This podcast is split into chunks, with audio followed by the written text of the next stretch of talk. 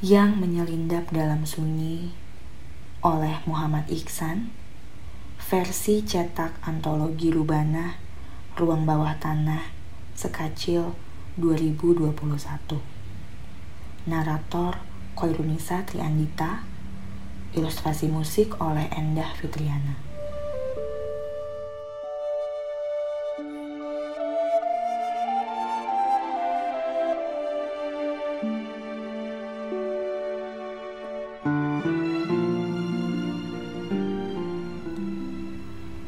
Perlahan aku menyadari sesuatu. Aku tahu semua tidak lagi sama. Setelah pada malam itu kau pulang terlambat. Semula, aku yakinkan diri jika segalanya berjalan sebagaimana mestinya. Namun, saat aku menemukan kau duduk termangu di depan jendela ketika subuh, aku menyadari sesuatu. Kau menjadi kian janggal setelah malam itu. Kau bercerita padaku jika sesuatu dalam dirimu sedang mengkhianatimu. Hutan pinus yang diselubungi kabut. Jalan setapak yang seolah tak berujung. Kau berjalan menyusurinya menuju arah cahaya redup. Sunyi menyaru jalan yang panjang. Namun, dalam kepalamu kau mendengar suara-suara. Orang-orang tertawa tawa yang menjijikan. Dan kau mencium bau nenek dalam angin dan kabut. Bau yang menjemukan dari minyak angin, kain batik, apak rambut, keringat yang mengendap bersama asam, daki pada kulitnya. Di ujung jalan, kau melihat seseorang sedang mencekik lehernya, membuat napasnya sesak. Tetapi hutan pinus sontak berganti ruang rumah sakit. Seakan-akan kau satu-satunya manusia di rumah sakit itu. Mendadak kau menjadi bukan siapa-siapa. Bukan manusia, bukan benda, bukan entitas apa pun, dan segalanya menjadi tidak lagi penting. Satu perasaan kasat merasuk batinmu.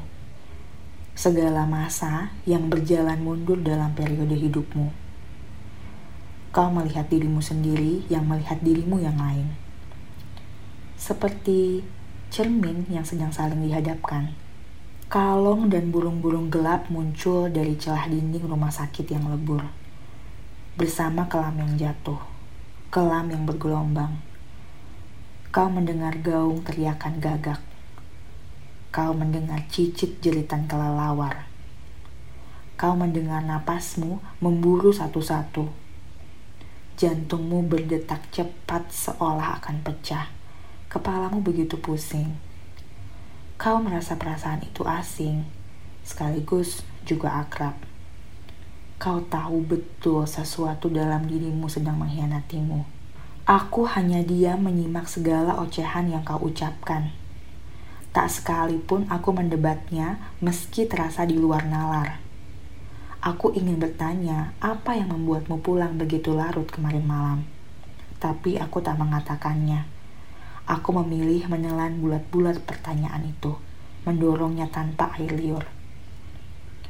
Kau mungkin lelah, kau butuh istirahat. Itu yang aku ucapkan, meski ragu. Setelah kau gagal menyelesaikan studi psikologi kriminalmu, kau mungkin saja menjadi lelah setelah beberapa tahun perjuangan beratmu, kau harus gagal. Aku tahu kau sedih. Aku berusaha memahamimu. Sejujurnya, kau membuat aku sangat iri. Orang-orang kerap mengatakan, kecuali umur dan wajah, kau dan aku memiliki sederet perbedaan. Kupikir juga begitu, seakan Tuhan memberikan segalanya untukmu dan meninggalkan sisa yang tak keperlukan untukku. Aku yang pendiam, kau yang periang. Aku yang penyendiri, kau yang punya banyak teman.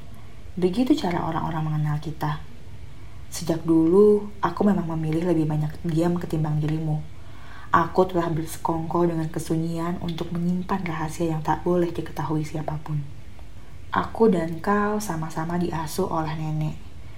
Kisah tentang ibu yang tak pernah kita kenal dan ayah yang hanya kita ingat sekilas wajahnya lebih seperti dongeng pengantar tidur masa kanak-kanak Laki-laki dan perempuan itu meninggalkan kita dalam sebuah tragedi yang tak pernah mau nenek ceritakan. Dahulu, jika kita melakukan kesalahan, nenek kerap memukul pantat hingga betis kita dengan rotan. Dibandingkan dengan dirimu, nenek masih melembutkan hukumannya padaku. Nenek hanya sesekali membentak dan memukul ringan tubuhku, tetapi tidak dengan dirimu. Seringkali aku merasa tak sampai hati melihat kau dihukum hingga lebam dan berdarah-darah. Semalam aku mimpi bertemu nenek. Ucapanmu yang seketika membuat aku bergidik. Aku merasa seolah-olah kau dapat membaca seluruh isi pikiranku. Apakah telah kau ketahui apa yang kusimpan selama ini?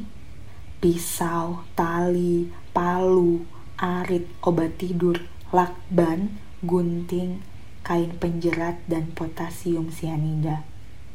Sembilan alat untuk sembilan metode pembunuhan. Aku menemukan catatan itu di secari kertas dalam saku kemeja kotormu. Sebelum kau pulang terlambat malam itu, bahkan sebelum kau gagal menyelesaikan studi psikologi kriminalmu, aku kerap menemukan catatan-catatan serupa ini di meja belajarmu. Sewaktu kuliah dulu, kau sering mengerjakan tugas-tugas yang menurutku di luar kewajaran. Menganalisis motif-motif setiap kasus pembunuhan adalah tugas harian yang telah biasa kau lakukan. Kadang sebagai tugas, kadang hanya sebagai kesenangan. Begitu katamu. Kau bahkan pernah mengajakku berkunjung ke satu rumah sakit jiwa untuk mewawancarai pria tua yang tega membunuh semua keluarganya dan kehilangan kewarasannya. Saat wawancara dimulai, kau menyalakan alat perekam. Pria itu tertawa-tawa dan menceritakan bagaimana ia dengan tanpa beban menggorok leher istrinya dan membakar hidup-hidup ketiga anaknya dalam sebuah kamar. Bahkan pria sinting itu mengungkapkan sesuatu yang membuatmu ingin sekali menghajarnya. Orang-orang menduga aku hanya membunuh istri dan anak-anakku saja, padahal aku juga membunuh ibuku. Hahaha. Aku dapat melihat raut wajahmu tanpa ekspresi menatap lelaki tua pembunuh itu. Hari itu adalah sesi wawancara pertama dan terakhir bagimu, sebab sepekan setelah kunjungan kita, tidak ada yang mengetahui mengapa pria gila itu menggantung dirinya di kamar mandi. Kau bercerita lagi kepadaku jika kau pernah melihat seorang anak kecil berambut tipis di sebuah kamar sedang menggambar sesuatu, di hadapannya berserakan pensil warna. Seorang anak kecil yang lain datang mengamatinya sambil berpangku tangan. Ia menunjukkan hasil gambar buatannya. Anjing ataukah kucing dengan organ-organ lengkap. Kau bisa melihat usus, jantung, hati, lambung, otak, lubang kencing dan tahi. Sontak anak itu menjelma sebagai anjing putih tampan yang lebih besar daripada tubuhnya. Anak satunya mencekik anjing itu. Mencekik hingga anjing itu terkulai lemas tanpa melawan. Seseorang mendobrak pintu dengan kasar. Saat itu pula ia melepaskan cekikannya. Anjing itu terbatuk dengan mata memerah. Kurasa aku bermimpi, Ucapmu ketika menurutmu aku mulai tidak mempercayai cerita-ceritamu. Apa yang terjadi padaku? Tidak kusambut pertanyaanmu. Kadang-kadang aku ingin mati saja. Kau terus meracau. Apakah harus kuberitahu padamu apa yang kusimpan selama ini? Maukah kau menolongku? Aku ingat dengan permintaanmu ini Kau ingin menganalisis sebuah kasus pembunuhan yang menghiasi halaman depan surat kabar pagi. Aku hanya mengangguk dan memberikanmu izin mengikat pergelangan tanganku dengan menggunakan tali plastik hitam. Kau memintaku untuk pura-pura menjadi korban pembunuhan, sedang kau sendiri bertindak sebagai pelaku demi mengonstruksikan apa yang dirasakan pelaku ketika proses pembunuhan terjadi meski aku tidak mengerti bagaimana mungkin hal semacam itu layak dilakukan. Dalam artikel koran yang sedang kau analisis, pelaku selalu membungkus rapi korbannya menggunakan plastik sampah hitam ukuran besar. Bahkan simpul setiap ikatan di seluruh tubuh korban adalah simpul yang begitu tertata. Mestilah pelaku adalah seorang yang menjaga rapi penampilannya, kau menduga. Satu simpul di leher, di antara dada dan perut, dan di pergelangan kedua kaki. Aku melihat foto-foto di kolam itu, setiap korbannya terbungkus apik bak ini. Dia pembunuh yang payah, ucapmu. Refleks dahiku berkerut. Seorang pembunuh mestilah cerdas. Lanjutmu sembari terus mengikat leher, tubuh, dan kakiku dengan tali. Kenapa begitu? Aku bertanya. Apa yang akan dilakukan pelaku dengan sisa tali di tangannya? Kau balik bertanya. Aku agak berdebar. Hmm, dibuang saja, jawabku singkat tanpa berpikir. Kau berjongkok mendekatkan dirimu padaku. Pelaku akan senang jika bisa menyimpan sisa tali itu. Tatapanmu lurus, menghujam mataku yang bergerak-gerak liar. Untuk apa pelaku melakukan itu? Pelaku akan menggunakan sisa tali untuk pembunuhan berikutnya. Sembari mengenang sensasi setiap kali ia mengikat korban dengan sisa tali yang sama. Tolong, uh, lepaskan aku, pintaku. Kau tergelak melihat aku ketakutan. Kau pernah memukul anjing tetangga hingga tewas karena anjing itu menggigitku. Meski itu bukan pembunuhan pertamamu, aku menyimpan rapat-rapat rahasia itu. Pada akhirnya nenek tahu setelah nenek menemukan beberapa bangkai anjing terkubur di halaman belakang rumah. Anjing-anjing itu mati dengan kepala pecah dan isi perut yang tercerai-berai penuh ulat.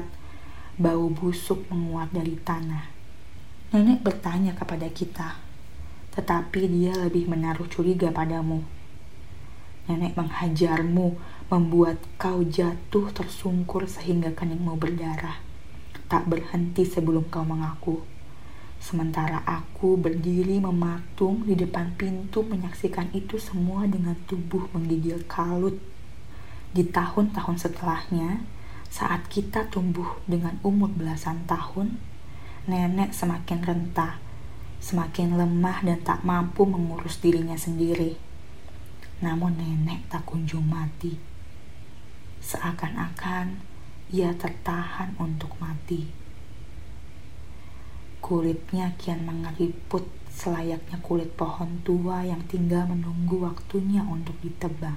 Otot-ototnya yang dulu bertenaga saat menghukum kita telah menjadi larik-larik tak berdaya, gelambir-gelambir usang. Nenek bahkan tak lagi dapat mengurus kencing dan tahinya sendiri.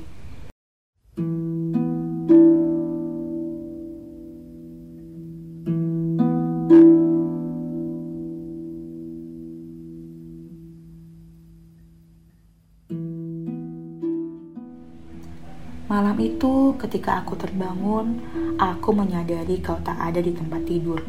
Aku merasa haus dan beranjak ke dapur. Sayup-sayup aku dengan erangan, seperti juga rintihan seseorang yang sedang kesakitan.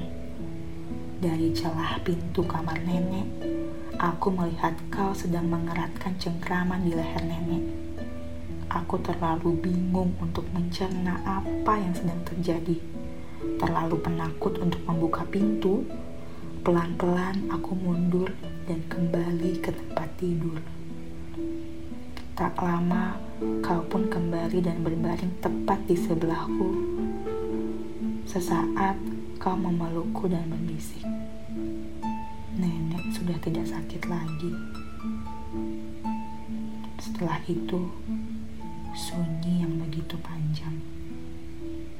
Perlahan aku menyadari sesuatu. Aku mimpi bertemu nenek. Ucapmu sembari menatap keluar jendela rumah sakit. Aku tahu, setelah kau tidur terlambat malam itu, segalanya tak lagi sama.